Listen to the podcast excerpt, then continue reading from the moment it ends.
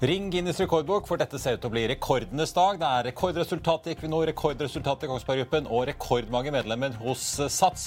Men er dette nok for at treningsgeneral Sondre Gravir klarer å overbevise markedet om at Sats er aksjen å satse på? Velkommen til Børsmorgen. Det er fredag 28. oktober.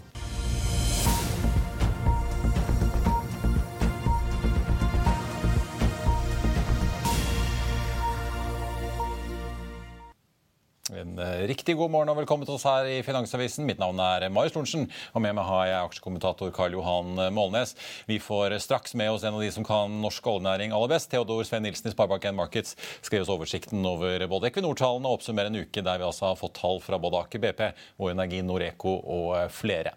Nordnett eh, venter at børsen vil falle litt tilbake fra start, 0,2 Det meste falt i Asia fredag, peker Roger Berntsen på. Dermed er det ikke så mye drahjelp å få fra den regionen i dag.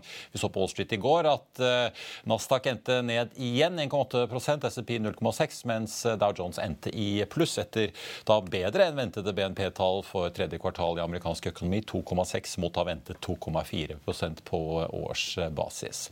Vi skal snakke om både Apple, Amazon og mer på slutten av sendingen. Det er jo da verdt å holde et øye med norske retail-aksjer i dag. Amazon kuttet jo sin guiding for fjerde kvartal ganske betydelig i går. Og nå på morgenkvisten er SSB ute med tall for norsk varehandel i september. Den endte opp 0,1 eh, mens da vi så en økning i august på månedsbasis på 0,6 SSB peker likevel på at eh, trenden har vært nedadgående fra toppen under eh, pandemien. Oljeprisen er ned 0,7% til 93,97 for et fat nordsjøolje i spotmarkedet nå. VTI-oljen, amerikanske lettoljen, altså, ligger på 87,8 dollar etter at vi nesten så 90-tallet i går.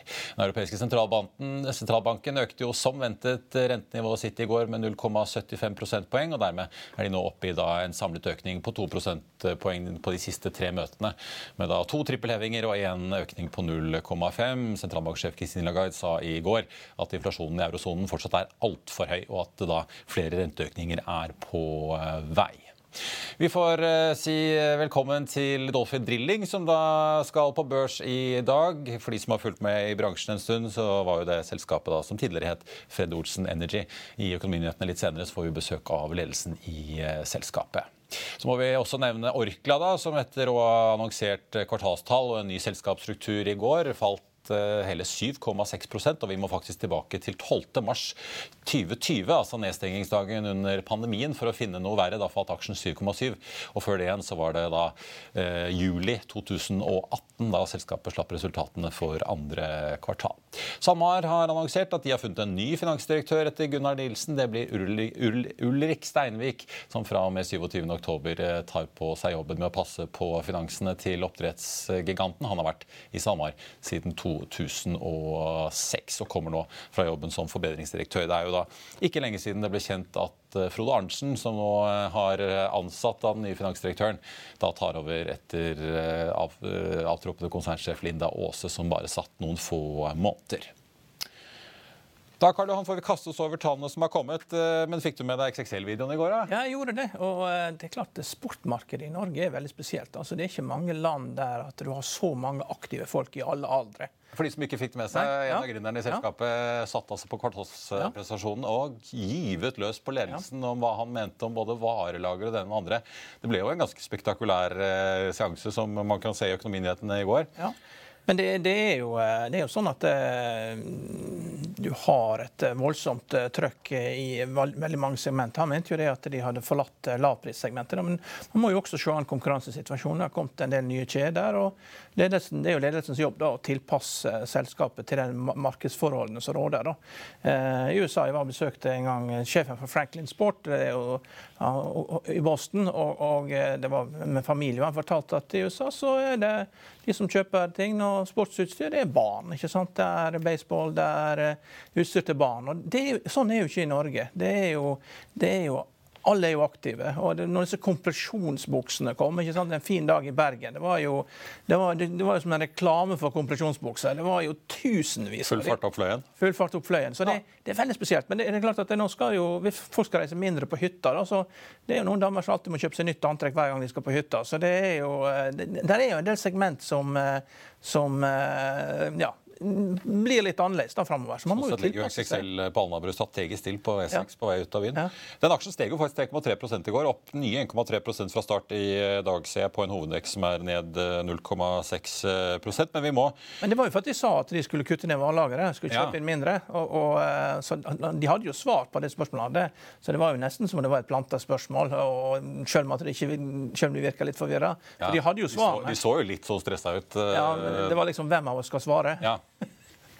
Det så ikke så regissert ut, Nei, jeg, da. Men ja, ja.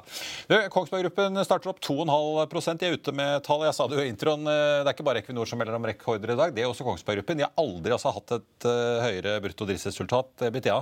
Skal man si kanonresultat eller rakettresultat? Ja, ikke, ikke sant? 26 inntektsvekst, det er jo utrolig. Litt galgenhumor. Ja, ikke sant? Og en, nesten 1,4 milliarder i BTA ventet 1,1 milliarder. Ja, nei, det, det er mye. Det, men det, det er jo et selskap som stort sett leverer stabile resultater. Så analytikerne har lenge kunnet kjøre på autopilot. og Ikke dette kvartalet. Nei, det, Hans Erik Jacobsen i Nordea som var på besøk her, er jo en, som, en av de som har vært eh, mest bull på den eh, aksjen. Ja. det er jo flere som har kjøpt, men han har ligget høyest i kursmål på Men likevel, er det det er jo- 400 kroner. Det er vesentlig over konsensusestimatene. Her er, det- her er tre som har hold, og to som har kjøp og en som har salg. Og, og, og, eh, men aksjen har jo nådd kursmålene som har disse an- analytikerne. Den har, Ja, ligger nå på 370, ja, nesten 377, ja, 376 ligger han og vaker på nå, opp 4,8 Jeg merker meg konsernsjef Geir Håøy sier at eh, de kort og nå målet i år om å bikke 30 milliarder i omsetning. Og det er ikke bare selvfølgelig Forsvarsdivisjonen eh, går jo ikke veldig overraskende bra i disse tider. De har jo solgt eh, missiler til både Spania og enda mer til USA i det siste. Men også Kongsberg Maritime eh, de sier at altså, her går det oppover i alle divisjoner. Og en da ordreinngang på 1,2, eh, altså bill 1,2 da mot uh, omsetning. Mm. Det er også ganske positivt i en verden hvor man kanskje skulle tro at uh, folk begynner å stramme litt inn i frykt for en uh, resesjon, men rederne bestiller de, virker det som. Det er nok, eh, nok kompliserte innretninger på avanserte skip som de leverer til, tydeligvis. De må jo ha en del leveranser til LNG-skip, da, sannsynligvis. eh, Det er jo det Der kommer det masse containerskip, Ja, kommer det masse, ja, vet vi. Ja. Eh, vi får se, Finansdirektøren er jo da med oss i Økonominyhetene litt eh, senere i eh, dag, så vi får spørre henne om både det og også hvordan det går. For så vidt De sier at det fortsatt er utfordringer på tilgang til en del komponenter, logistikk og leveringstid rundt i butikken, så de er ikke helt over koronakrunchen de heller, som også mange andre bedrifter sliter med fortsatt. Nei. Skal vi kaste oss over uh, Sats, uh, som jo også er ute i dag. Uh, de har både kapitalmarkedsdag og kvartalsrapport. Rekordmange medlemmer. det er jo for så vidt godt nytt, men er det nok? Altså det er jo Sales her på likt nivå med i fjor, da, om at de har i, i kroner, da, selv om at de har eh, 8% vekst i antall medlemmer. og her, her er jo den, De har jo merka de høye energiprisene strøm. og sånn. Det, har vært snakket mye om alle som drar og dusjer på Sats eh, for å spare strøm hjemme. EBITDA er jo ned med 50 millioner, og EBIT er ned med eh, fra i fjor da, fra 74 til 5 millioner. Og du kommer med nettotap på 52 millioner mot 2 millioner i fjor eh, tre, i tredje kvartal. Så. Men nå er ikke, sannsynligvis ikke tredje kvartal det mest aktive. da. Det er jo et sommerkvartal. Det er vel, det er vel eh, første kvartal som er mest intensivt. De får den største boosten. Ja, det er vel det første Ja. halvåret Ja. etter nyttår og inn Ja. sommeren. Da, Ja. da kommer alle løpende inn. Eh, merker meg vår kollega Anders eh, Pedersen Bjergård påpeker at eh, ja, nå har de 2573 medlemmer per, eh, per klubb i snitt. Da. Det er litt over samme periode i fjor, men det er fortsatt da under nivået som de hadde før eh, pandemien. Og Det har jo vært noe av kritikken, at de har slitt med å få både medlemmene inn, men også få nok medlemmer per senter til at eh, regnestykkene blir gode nok. Ja, men hvor mange er det plass til i hvert senter? da? Nå har 2500 Det sitter. er en hårfin balanse, vet du. Ja. tre- 30 stykker? 40? Det skal ikke være tomt, men det skal ikke være for fullt heller. Jeg vet ikke, nei. Det er spesielt, eh, spesiell businessmodell. Det er, eh, jeg tror ikke denne businessmodellen overlever til evig tid, for det er jo mye støttemedlemskap her. Mm. Man kan liksom ikke børsnotere Leger uten grenser heller, og, og uh, bare fordi at folk driver og betaler støttemedlemskap inntil det. Så uh, får vi bare ta med det. da. De, da, eller de skriver i, i denne børsmeldingen til kapitalmarkedsdagen som uh, sparkes i gang hvert øyeblikk, at de har, mener de har potensial til å generere en EBITDA på 800 millioner kroner i året. Eh, til sammenligning da ligger de på 159 på de siste tolv eh, månedene. Så det er jo en ganske stor forbedring som skal skje her. Mål om langsiktig bruttomargin på 90 og 30 på EBITDA-nivå. Ja. Ja. De De har litt å strekke seg etter ja, helt klart. for å komme dit. Ja. Ja, vi får følge med. Satsaksjen i hvert fall ja, så vidt opp 0,9% fra start. Vi skal kaste oss over eh, Equinor og få med Theodor Sveen Nilsen og er tilbake rett etter dette. La oss i Finansavisen hjelpe deg med å holde deg oppdatert på alt som skjer i finans og næringsliv. Hver morgen er jeg, Marius Lorentzen, og aksjekommentator Karl Johan Målnes på plass i studio for å ta tempen på dagens marked i Børsmorgen. På ettermiddagen oppsummerer vi alt du trenger å vite i økonominyhetene, og så får vi selvfølgelig besøk av masse interessante gjester. Du finner oss på fa.no-tv, eller ved å søke opp Børsmorgen og Økonominyhetene der du hører på podkast.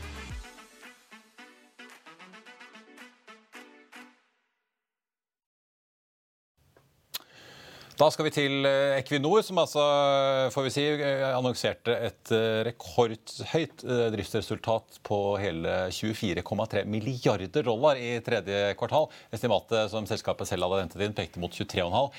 Spinnville nivåer, og får vi si også internasjonalt sett, så er altså Equinor helt på toppen blant inntjeninger, hvis du ser på selskapene i verden. Dobbelt så mye som det Shell rapporterte tidligere i uken. De ligger over Exxon på nivå med hva vi så fra Apple i går. Selvfølgelig da da bare selvfølgelig med et eh, langt høyere skattenivå som de da betaler inn til AS Norge.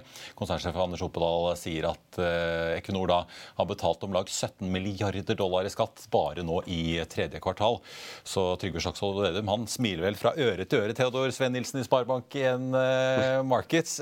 Man blir jo nesten sånn blasert av disse tallene fra ikke bare oljenæringen, men da særlig Equinor, som har et veldig stort gassalg til Europa. Hva er din take på, på, tallene sånn i hovedtrekk, hvis vi skal begynne der? Ja, nei, god morgen. Eh, det, jeg, tallene var omtrent som forventa.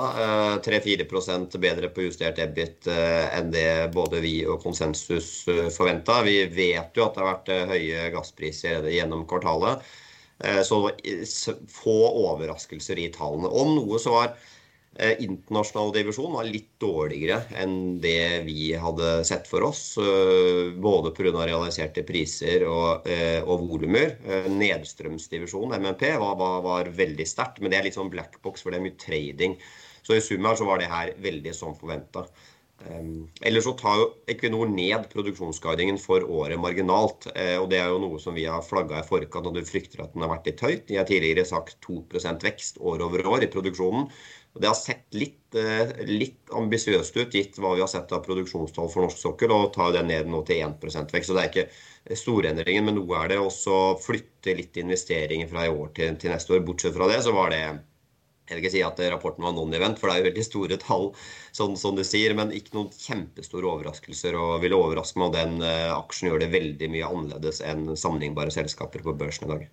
Men den uh, endringen i guidingen, er det primært av norsk sokkel som gjør det? De har jo tatt veldig mange grep for å maksimere gassuttaket. Blant annet har de injisert mindre gass for å få opp enda mer gass ut i markedet, og da heller på bekostning av oljeutvinning. Eller er det ting internasjonalt eh, som også bremser litt for dem?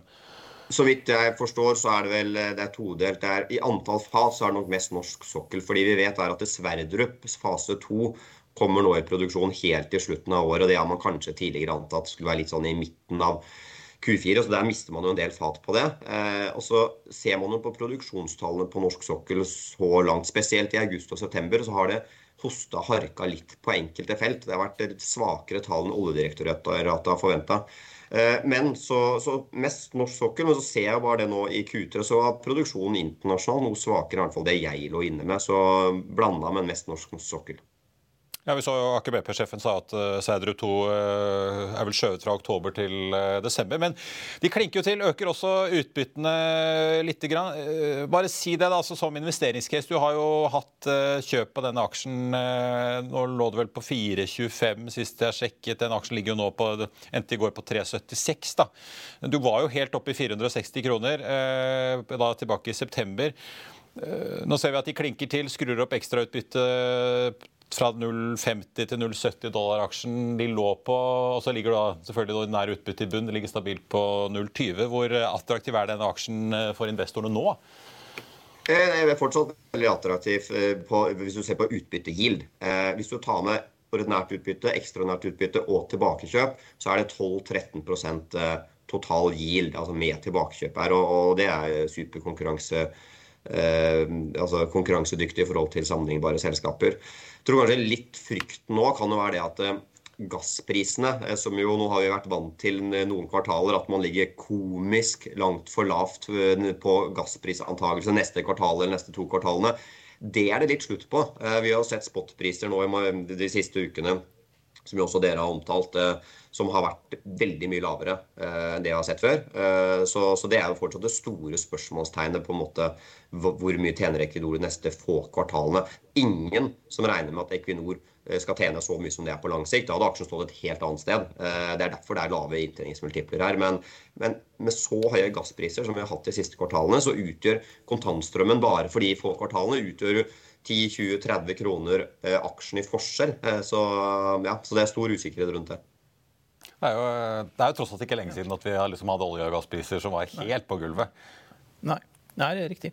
Jeg lurer litt på uh, havvind. Det er, jo, det er, jo, press for uh, Equinor til å komme inn i uh, fornybart. og Det er et gigantisk prosjekt utenfor New York som skal liksom forsyne 1,4 millioner innbyggere med havvind. Får dere noe vite om det er noe lønnsomhet i det, slik at man kan ta med seg det og, og gjøre dette lønnsomt og ta det med seg hjem? Jeg eh, får ikke vite veldig mye om det. Vi vet litt om investeringsnivå, vi vet litt om hvilke realiserte priser eller hvilke strømkontrakt de har på dem. Eh, men det du jo vet, er at når det gjelder det prosjektet du, eh, du viser til, som er Empire Wind, der har du jo solgt nesten halvparten av Eh, prosjektet eh, til en veldig god pris. Så, så, der har de definitivt tjent penger så langt. Men det er mer på M&A-aktiviteten og ikke på driften. Så basert på det så ja, for det har jo gjort flere steder, disse her transaksjonene på, hvor de har solgt seg ut, bokført kjempegevinster. Men jeg ser jo på altså, fornybardivisjonen leverer jo et justert resultat før skatt på minus 46 millioner dollar, minus 28 på samme tid i fjor. Ja, altså det er basically null nå, og det kommer til å være null frem til sånn nesten 2028-2030. Eh, da begynner det å få meningsfull inntjening. Men selv da så utgjør det bare noen ytterst få prosentpoeng av eh, driftsresultatet. Så nå er jo nå er, eh, De har jo 6,5 gigawatt eh, produksjonskapasitet i porteføljen i dag. Med alt som er bygd ut og ikke bygd ut. Og av det så er det vel bare pluss-minus en halv gigawatt som faktisk produsere strøm. Så er jo nesten ingenting av fornybarporteføljen som, som er i produksjon i dag. Så har du en målsetting om 12-16 gigawatt innen 2030, og, du må opp i de nivåene for at du får eh, noe tall å regne på egentlig i den divisjonen, for det er så høy inntjening i ja, spesielt norsk sokkel. da. Eh, Theodor, si litt om, eh, Det har jo vært spekulasjoner i vår rosa konkurrent DN var ute og plutselig rapporterte at Equinor vurderer å kjøpe opp kinesiske Sinux britiske virksomhet. Du har jo snakket varmt om at de kanskje skulle kjøpe Ørsted eller Skatek eller noe sånt innen eh, fornybar. Eh, altså, tross da med den vanvittige inntjeningen de har, så kan de jo likevel ikke bare kaste penger av gårde. De må jo kunne regne hjem ting de setter pengene i. Hva, hva ser du som på en måte mulige M&A-transaksjoner for Equinor her fremover? da? Ja, nei, la meg først si, det, det, det, jeg tror det de burde gjort, det er å gitt et stort engangsutbytte på 5-15 dollar per aksje. Og så ville kapitalstrukturen vært litt mer, eh, ja, mer, mer effektiv, da. Eh, men det tror jeg ikke skjer av mange ulike årsaker. Så Ehm, ja, hvis du, Noen M&A-kandidater er jo, som du selv sier, jeg har jo spekulert selv i Skatek, Ørstedt, eh, Statkraft. Eh, mange av de som jeg tror ikke kommer til å skje. Eh, Statkraft er jo åpenbart altså, Det er politisk svært kontroversielt. Jeg tror investeringscase aksjemessig kunne godt, godt, hatt godt av det. Ørstedt kanskje ikke helt usannsynlig, spesielt nå som du så jo Venstrepartiet i Danmark var ute og sa at de ikke utelukka et salg av Ørstedt. Og det er jo sånn det er offshore vindmøller. Det er det Equinor skal satse på. Um, Skatek det blir jo bare noen dagers kontantstrøm, så det, det vipper liksom ikke, eller det endrer ikke så mye på, på kontantposisjonen til Equinor. Og dessuten så tror jeg, skulle jeg bare gjette, så er, er, det enkelte prosjekter i porteføljen der som Equinor kanskje ikke er sånn kjempegira på. Så syns jeg altså, andre oppkjøpskandidater, Vår Energi, norsk sokkel, hvorfor ikke? Mye gass, eh, populært å investere i Norge. Helt klart det er også en kandidat. Men, men hvis det var 50-15 dollar per aksjeutbytte, ville vil de pengene gått rett i oljefondet, eller er det, er det noen regler for det? Eh, ja, da, det, da ville jo eh, altså Statens andel på det ville gått dit, og så ville en tredjedel det ville gått da til andre aksjonærer.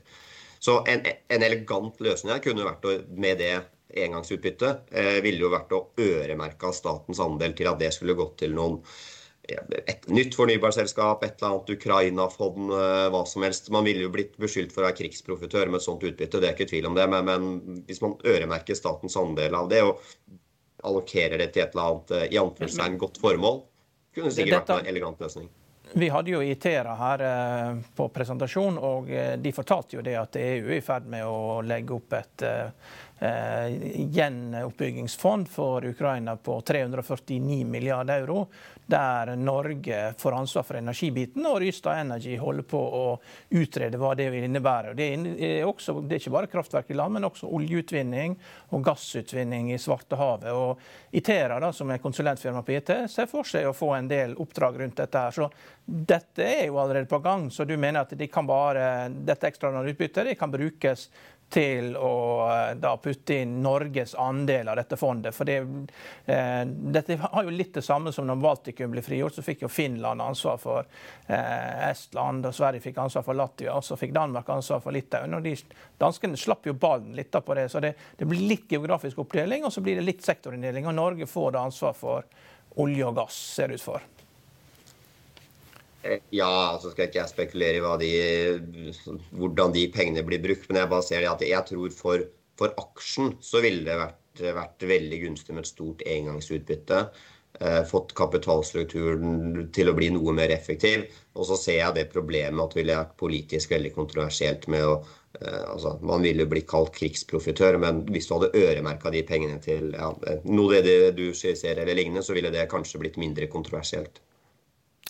Theodor, vi må, vi må, runde av med, liksom, for å oppsummere oljeuken litt. Da. Vi har fått tall fra Aker BP, vi har fått fra Noreco, Okea, Vår Energi. Eh, DNO kommer jo vel neste uke, og Equinor i dag. Du har hold på Noreco og DNO fra hva jeg kan se i oversikten. Kjøp på de andre. Vi har sett økte utbytter fra Vår Energi. Okea skisserer at de går fra 2,90 til 4 kroner aksjen neste år. Eh, Aker BP holder seg på økningen de la seg til i sommer. Eh, hvordan vil du oppsummere det? Er det, liksom, eh, er det enda mer å vente hvis man setter penger i disse aksjene nå, eller? Eh, nei, ja, jeg tror bare For å ta først liksom, uka av resultatene, så har de vært stort sett på linje med forventningene. og Grunnen til det det er jo at mange av de selskapene her har jo begynt å komme med tradingoppdateringer og operasjonelle oppdateringer i forkant av kvartalsrapporten, hvor de slipper da eh, enkelte viktige tall for å kunne regne på, på inntjening. Så på en måte det er ikke noen store ting å kommentere på, eh, på, på de selskapene eh, du nevnte der. Ellers er det jo, det er jo rekordinntjening for både den ene og andre her, naturlig nok. fordi spesielt gasspriser har vært, vært kjempehøye.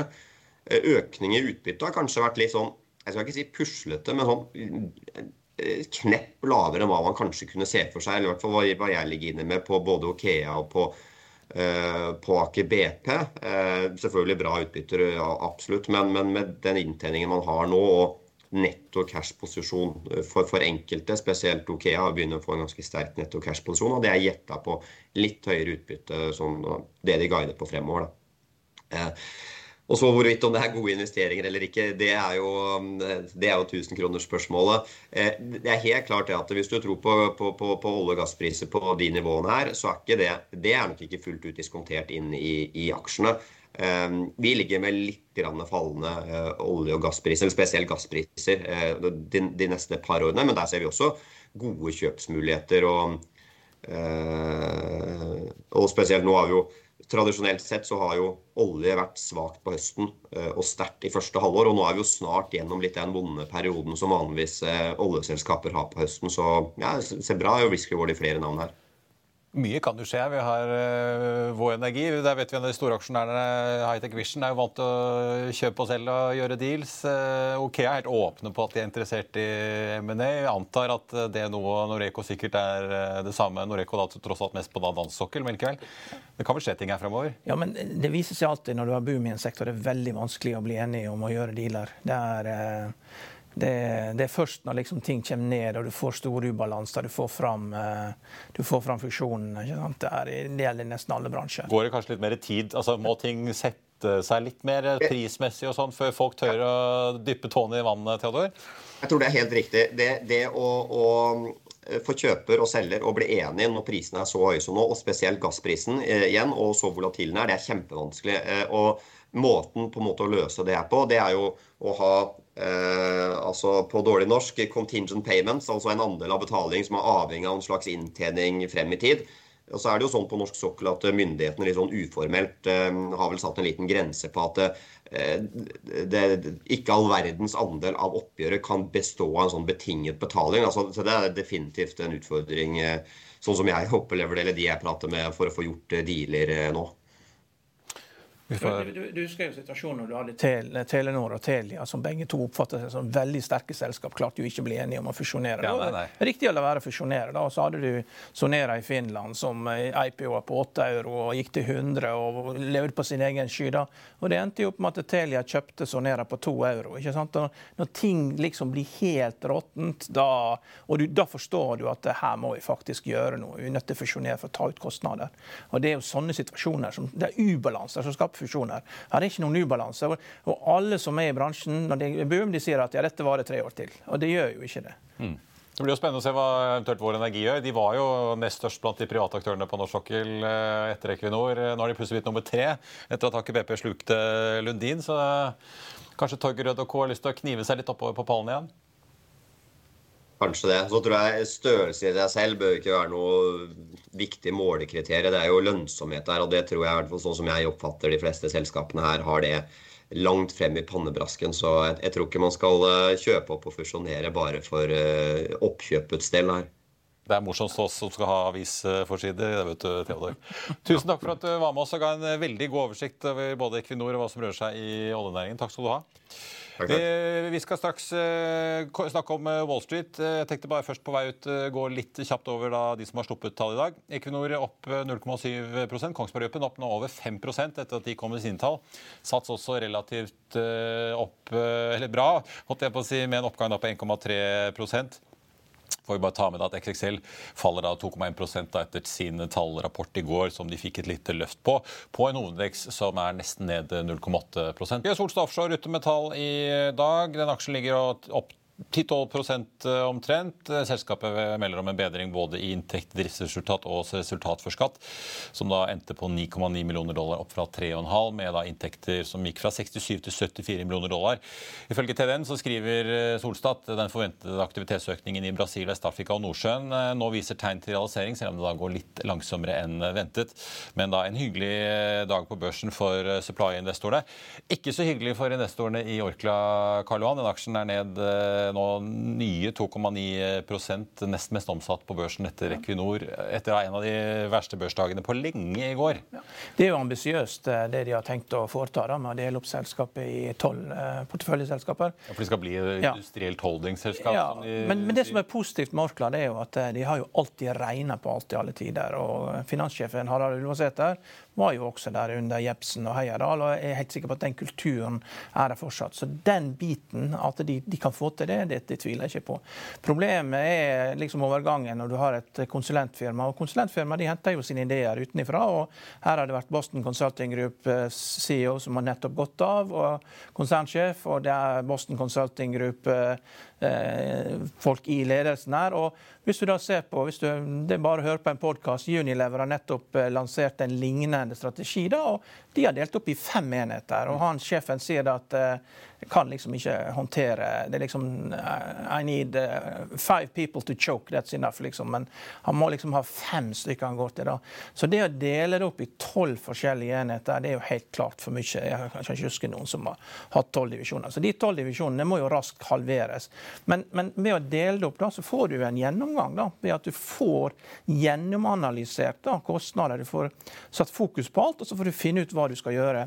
Og, og hver divisjon må jo da levere? Ja, og den store bekymringen bekymring er jo liksom eh, hvordan konsernsjefen Du kan ikke drive Orkla som et idrettslag der alle får lov til å gjøre akkurat hva de vil.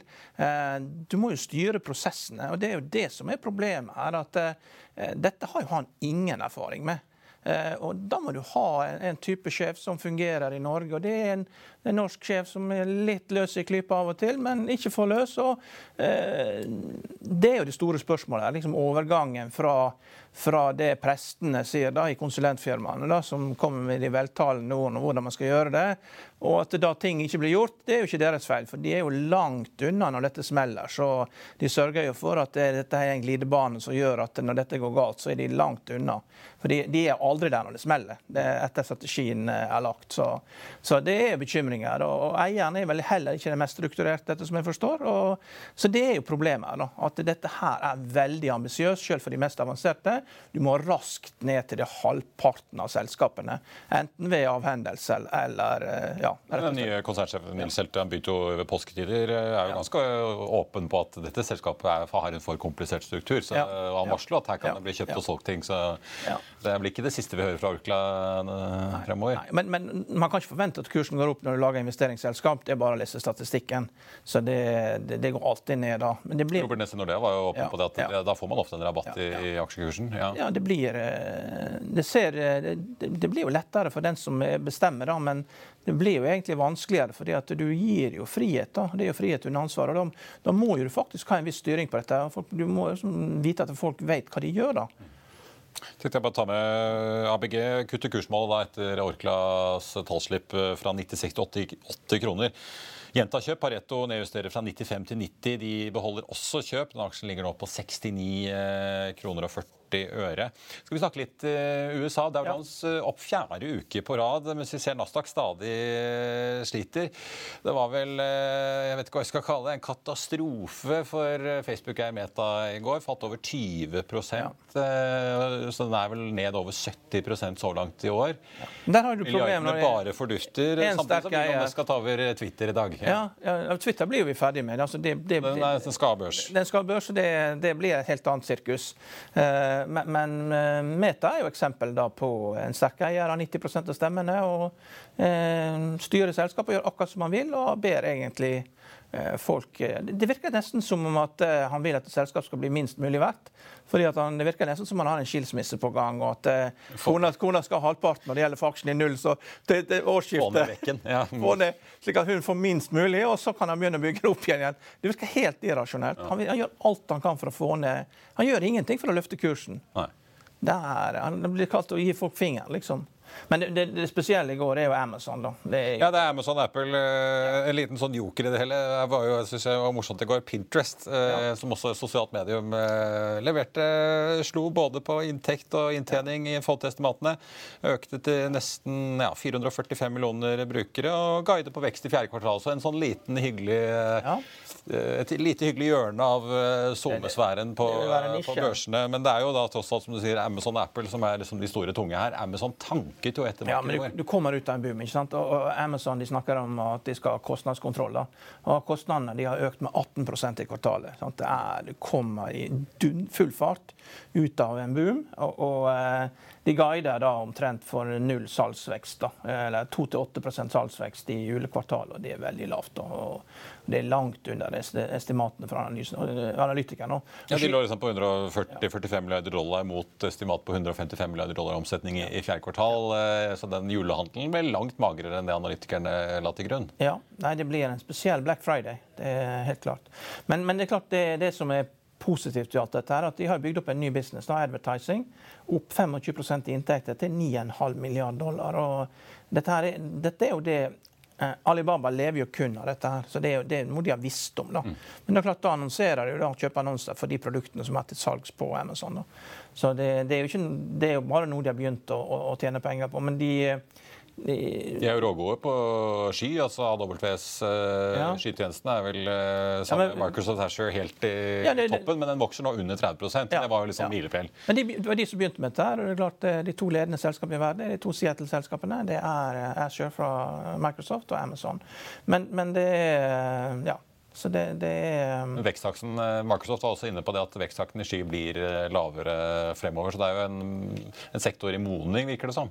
Ja, det er, ja, det er klart. Og sikkert mange bedrifter som også strammer inn, da, ikke minst i litt usikre tider på investeringer og kapasitet. Ja, det er mange startups. Du har sånne Du har du har jo sånn Software as a service er jo en gigantisk business. da, og Hvis du skal kutte ned på noe, så må jo du eh, Hvis du får litt mindre penger, så må jo du kutte ned på veksten din. da. Ja. Eh, for det er jo mye vekst. Og Et av problemene er jo at det er veldig mange selskaper som vokser uten å tenke på å tjene penger. og Det er jo skummelt på lang sikt. Men, og det er jo Amazon som har satt standarden for dette her, er at uh, your margin is my opportunity. ikke sant? Og det, det går jo ikke det til evig tid. Du kan ha det når det er nullrente, men når renten er 5% så kommer skvisen. Ja. Så... Så eh, for øvrig sånn snakket om uh, langt svakere konsumersentiment i Europa, som de merker i hvert fall. Begynner å bli svakere i USA, men fortsatt bedre i USA. Vi må kjapt innom på slutten. Apple uh, falt par prosent på børsen i går, litt i etterhandelen, men leverer jo både bedre inntjening, bedre omsetning enn ventet. Vokser 8% på omsetningen, bedre bruttomargin ja, enn ventet. Ja. en litt annen story. De klarer ikke å levere nok iPhone 14 Pro, sier de. Ja. Nei, det er, jo, eh, det er, jo, lett. Når folk bare kan bestille på nett, så blir jo det ganske bra salgstall til å begynne med. Det folk stiller ikke seg i kø lenger. Så. Og det er jo noen som bare må ha det siste, Marius, eller hva sier du? Ja, det ligger under pulten her. Ja. Den kom i posten til slutt fra Men, men, men eh, konkret da på estimatene, altså, man forventer liksom 4 eh, estimatvekst, nei, salgsvekst da, i fjerde kvartal. og det er jo da innenfor det de sier, decelerating sales growth. Og det kan jo enda bli enda svakere også. fordi det, går, det er jo fort gjort å, å fylle opp eh, handlekorga til alle de som skal bare ha det. Og etter det så stopper det kanskje litt opp, da. Ja. Kjøpe julegave til seg sjøl. Hva kaller man det, da? Self-gifting? Regifting? Nei. nei, nei Self-gifting ja. ja. Regifting er noe annet. Det er å sende videre vinflasker du ikke liker. det, er, eh, det er veldig greit å få med hva man ønsker seg. Ja, ikke sant? Jeg eh, tenkte bare å ta med på slutten. Mediesteam er også ute med tall i dag. Økte inntektene sine til 116,5 millioner kroner. Driftsresultatet endte på 34 mill., som gir en margin på nesten 30 Sparebank1 Midt-Norge også ute med tall i dag. Og de viser et nullresultat da i tredje kvartal. Så er det da litt eh, oppdateringer på Skibsted etter at de var ute med kvartalssalg og kuttet guidingen sin i går. ABG nedjusterer kursmålet fra 2,25 til 200 215 kroner beholder kjøp. Arctic øker sitt kursmål fra 160 til 170, og da eh, med en H-anbefaling fortsatt. SEB kutter fra 280 til 275, sier fortsatt kjøp. Mens da Storbanken City de tar og kutter fra så vidt da, fra 210 til 25, beholder kjøp på uh, Skipsteds uh, aksjen, holdt jeg på å si. Morgan Stanley 280 til 270. 85. Og Så er SEB ute og kutter litt i Golden Ocean fra 1,80 til 1,10, men tviholder på kjøpsanbefalingen. Den aksjen endte torsdag på 86,80. Det er masse andre kvartalstall også som vi ikke har rukket å komme over i dag, inkludert eh, da CM Offshore og Q-Free, som du også kan lese om på fa.no. Men nå er vi ved veis ende i denne siste børsmålingen for uken. Tusen takk for at du så eller hørte på. Vi er tilbake med Økonominyhetene klokken 13.30. Da får vi både med oss Dolphin Drilling, som altså er eh, ny på børsen i dag, og også finansdirektøren i Kongsberg Gruppen, som ser ut til å ha en kanondag med en oppgang på 5,4% Equinor opp 1,4 Sats ned ja, nesten en halv prosent. Ork Orkla fortsetter ned 2,6% på en Oslo Børs som altså er ned 0,6% på hovedindeksen. Ha en riktig god helg når den tid kommer, og så håper jeg vi ses igjen på mandag. Takk for nå.